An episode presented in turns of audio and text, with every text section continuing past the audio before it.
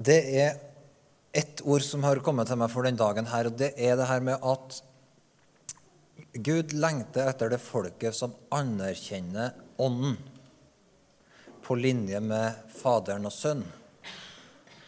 Og eh, på pinsedagen så var de alle samla. Og de var samla da, disiplene, med bakgrunn i at Jesus hadde bedt dem om å vente på far sitt løfte.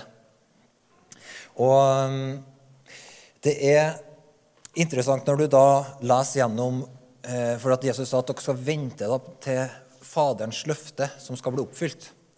Så da han, han refererer til det er ett løfte som Gud har gitt. Og Bibelen er på en måte drevet fram av et sånt løfte, som er et overordna løfte, som vi på en måte kommer tilbake til på masse ulike Som på en måte alle løftene springer ut fra. Og det starter jo med løftet som kom til Eva, om at i din ett, i kvinnens ett, så skal slangen sitt hode knuses. Og så hadde på en måte denne menneskeslekta fått det her løftet da, fra Gud om at det skal komme en tid hvor mørkets makt skal bli brutt, og der, der veien inn til far igjen skal være åpna. Så finner du at Abraham da eh, er på en måte det, alle, Noah er jo den, eh, han får jo en pakt med løfter i seg. Men så kommer vi til Abraham, og han får et løfte som da Paulus i Galaterbrevet på mange måter oppsummerer som et slags sånn hovedløfte i Guds frelsesplan. Og, og, det var et løfte om at i hans ett så skulle hele verden bli velsigna. Alle verdens folkeslag skulle bli velsigna i Abrahams ett. Og hvis, vi, hvis, dere vil slå opp nå, så jeg vil gjerne at dere blir med og slår opp her, for det er i Galaterbrevet 3. Og, og der er det et uh, helt kapittel hvor uh, Paulus da egentlig holder på å jobbe med Eller han jobber med det her med rettferdiggjørelsen som en gave ved tro. Og i Galaterbrevet 3 da, så berører han det her på flere ulike måter. Og han sier i kapittel 3 og vers 2, så sier han til galaterne Svar meg på én ting. Fikk dere Ånden ved lovgjerninger eller ved å høre og tro? Er dere så uforstandige? Dere begynte ved Ånden. Vil dere nå fullføre med kjøttet? Har dere opplevd alt dette forgjeves, hvis det da var forgjeves? Han som gir dere ånden og gjør under blant dere, gjør han dere ved lovgjerninger, eller ved at dere hører og tror? Om Abraham heter det han trodde Gud, og derfor regnet Gud han som rettferdig. Så forstår dere at det er de som tror, som er Abrahams barn. Og Så går han videre da, og sier at Skriften forutså at Gud ville rettferdiggjøre hedningene ved tro, og den forkynte på forhånd dette gode budskapet til Abraham. I deg skal alle folkeslag velsignes. Derfor blir de som tror, velsignet sammen med Abraham. Så her trekker en Først så understreker Paulus her betydninga av at Ånden er gitt som en gave ved tro. Så Den hellige ånds gave er ikke noe som På samme måte som resten av frelsesverket, så er Den hellige ånds gave noe som er gitt ved tro. Det er en gave. Det er ikke ved lovgjerninga. Er Den hellige ånds gave er ikke en prestasjon for fromme kristne. En gave, liksom en sånn premie for fromme kristne som har prestert liksom fromhet, og så kommer Den hellige ånd som en sånn premie innen fromhetsløypa, liksom. Eh, nei. Og Paulus avliver det her veldig tydelig. Og han sier det her, og, han, og hør det han sier i vers 5.: Han som gir dere ånden og gjør under blant dere, gjør han det ved lovgjerninger? Nei, han gjør det ved at dere hører og tror. Og det her, er, det her er litt viktig for oss. For av og til så kan vi høre at åndens verk imellom oss på en måte er et eller annet som vi Sju steg liksom for å oppleve og erfare åndens liv osv. Nei, nei. Kom an, legg bort hele det greia der. Den hellige ånds verk imellom oss er Guds nåde. Punktum. Det kommer ikke an på den som vil eller strever, det kommer an på Gud som øser ut sin nånd ved sin nåde. Og han gir villig til alle som tror. Og han gjør under imellom oss. Og så trekker han da linja da til Abraham.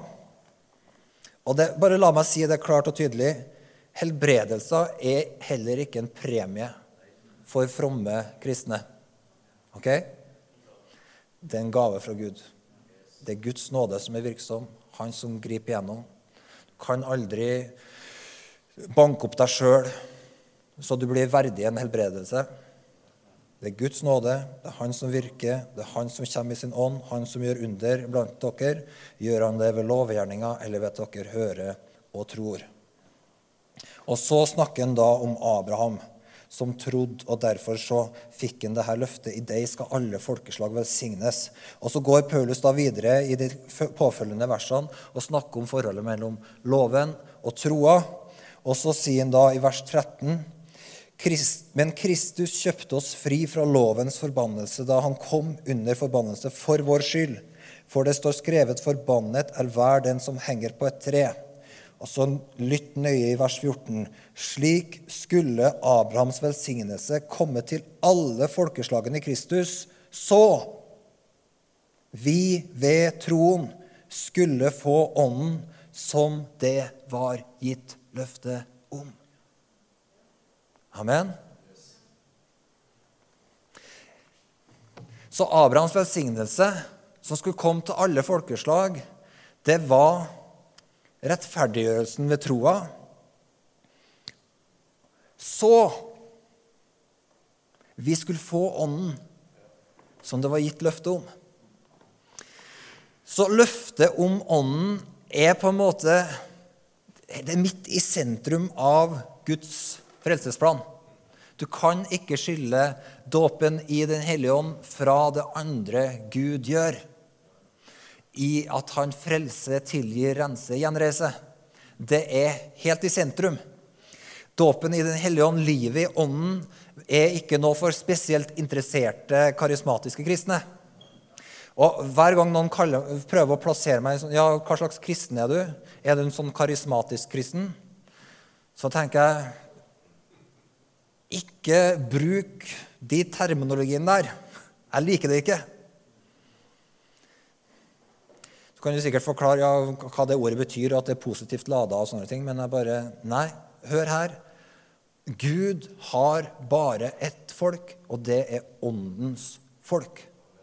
Så mange som er drevet av Guds ånd, de er Guds barn.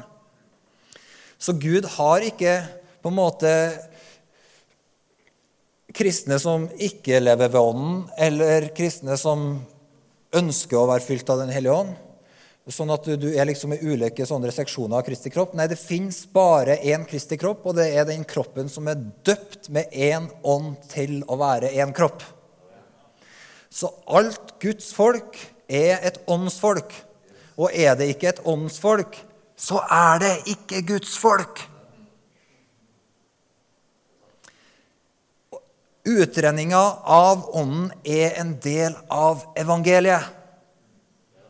Utrenninga av Ånden er en del av frelsesverket. Og i Romerbrevet 8 så bruker da Paulus i vers 23 Jeg vil gjerne at dere blir med dit òg og slår opp. Så bruker han et uttrykk som òg på en måte trekker noen lange linjer bakover for å hjelpe oss til å forstå. Her er Jon Inge eminent på skjerm. Så jeg leste her i den eh, oversettelsen som jeg har her. Det er kanskje det samme? Ja, det er det. Ja, enda mer. Også vi som har fått Ånden, den første frukt av høsten som kommer, sukker med oss selv og lengter etter å bli Guds barn, fullt og helt når kroppen vår blir satt fri. Så her sier Paulus at vi fått vi som har fått Ånden, som er den første frukta av høsten som kommer. Så det at du har fått Den hellige ånd, det er førstefrukta av noe som det kommer mer av. Så ånden er ikke på en måte en slags sånn eh, ventekraft så kristne holder ut til Jesus kommer tilbake, men det er en førstefrukt, en forsmak, en forhøst. Og nå er det sånn at i dag så er det pinseaften, og i morgen er det pinsedag. Og det er jo, en, det er jo den viktigste høytida i året. Fordi at denne høytida den henger veldig, veldig nøye sammen med påska. Og egentlig så er påske og pinse én stor, sammenhengende høytid. For du kan ikke skille det fra hverandre. Det henger så nøye sammen. Og pinsedag den, Det blir jo beskrevet i apostelgjerninga at de var samla på pinsedag. Og pinsedag har sin bakgrunn i da festivalen i Israel som het førstegrødehøytida. Og den ble feira syv uker, 49 dager pluss én etter Passover, påska. Så israelittene feira påske, og så telte de 49 dager. Og så feira de førstegrødehøytida. Og det her spiller da Paulus på når han forklarer oss at vi har fått ånden som førstegrøden av det som skal komme. Fordi at førstegrødehøytida det var altså en sånn periode der det var en fest knytta til at nå begynner høsten å nærme seg. Innhøstningstida nærmer seg. Og først, de første fruktene er allerede moden. Og så sa Gud til folket som et tegn på at dere er mitt folk, så skal dere samle sammen førstegrøden. Skal dere ta det, og så skal dere innvie det og gi det som et offer til meg. Ok? Så denne førstegrøden da, den ble da samla inn, og så ble det en stor høytidsfest der det var et offer til Gud, der folket på en måte sa to ting. Det ene er at alt vi har, det tilhører Gud. For vi tar det første av det vi får, og så gir vi det til Herren. Så alt vi har, tilhører Gud. Men når du tar det første frukta av høsten og gir det bort, så er det òg en sånn utrolig forventning i det og en tillit til Gud om at siden vi kan ofre førstegrøden, så er det òg, Herre, vi gjør det i tro til deg, for vi stoler på deg, at du er vår forsørger, og gir oss hele høsten. Så det var en troshandling i det. Og da er det sånn at når Jesus da i påskehøytida står fram og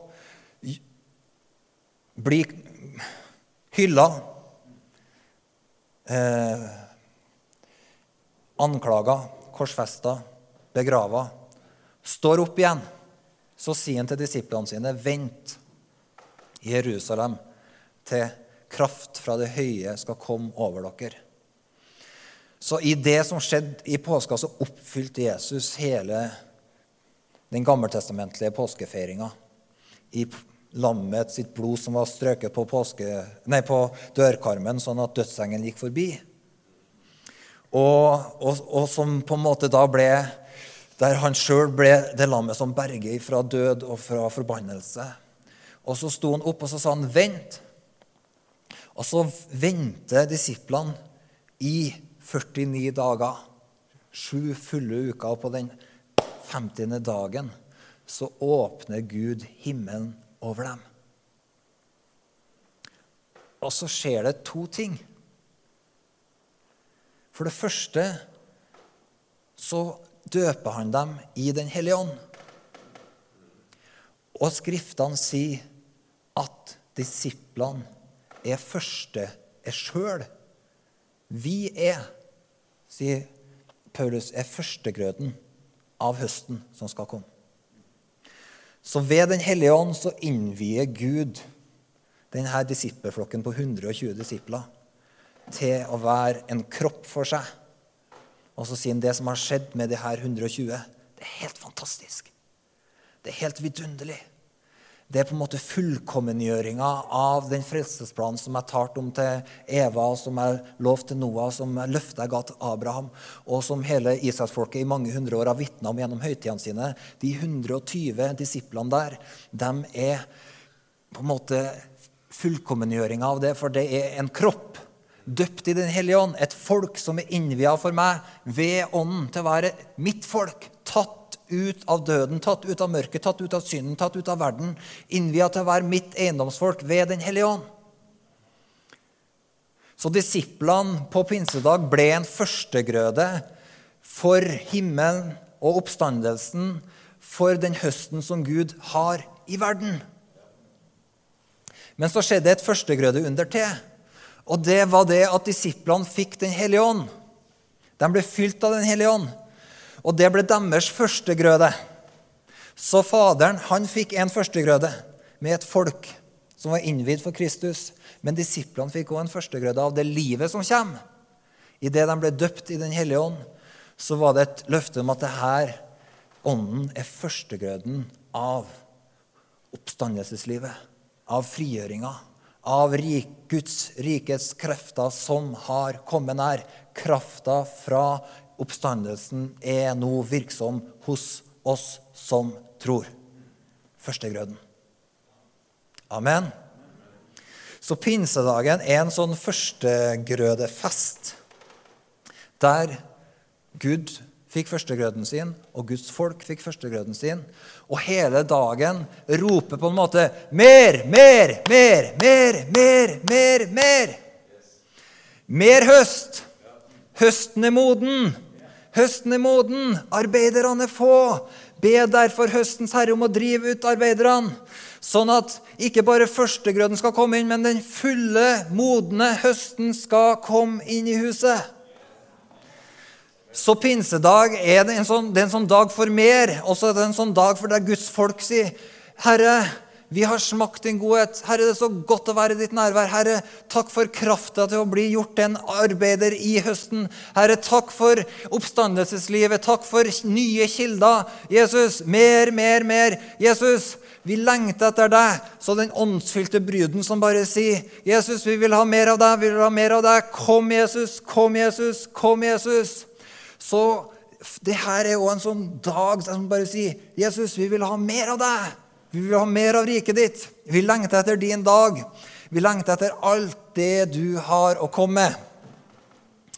Førstegrøten, dagen, feiringa for det, er liksom dagen for mer. Så dette er en dag for å være sulten og for å være tørst, samtidig som det er en dag for å feire at Gud allerede har gjort. Gud har allerede det er ikke sånn at frukta av Ånden er et løfte som vi bare hilser langt der framme om at en dag skal det komme en dag med et folk som kjenner Den hellige ånd. Nei, nei, nei. Dette er en dag for å si at nei, vi har kommet inn i landet. Vi har fått smakt av landet sin frukt og grøde. Vi er her, vi smaker det, vi lever i det. Kom og smak, for vi har mer på lager, og det kommer mer. Det er overflod til alle. Det er ikke nok med denne førstegrøden. Det kommer mer. Kom og smak. Ånden er her. Det er mer liv, mer vann, mer håp, mer tro, mer framtid, mer kraft. Det går ikke tomt. Og jo mer av førstegrøden vi smaker på, jo mer vet vi at høsten er jo enorm. Hvis høst, det her er førstegrøden, hvor stor er ikke høsten? Så innbydelsen til mer, og at det er overflod. Det er en dag for overflod, og etterpå i dag så skal vi ha et måltid. Og jeg tror og håper det skal være et sånt overflodsmåltid. For når vi feirer pinse, da er det overflod. Det renner over av åndens liv. Ånden blir ifølge Jesus ikke gitt etter mål, men han blir gitt i overflod. Mål som renner over. Så pinsedag er en sånn feiringsdag av det Gud allerede har gitt oss, og det er en lengselsdag etter mer av det samme. Og pinsedag det er en sånn feiringsdag for arbeiderne i høsten, som kan si nå har vi tatt inn en høst, førstegrøde. Vi som er her, vi er på en måte Vi har blitt innvia ved Den hellige ånd. Så det betyr at i Trondheim så har Gud fått en førstegrøde. Vi er her. Og rundt omkring i byens kirker så samler det seg et åndsfylt folk rundt omkring i ulike kirker, som betyr at det er en førstegrøde, men Gud har en større høst i byen vår.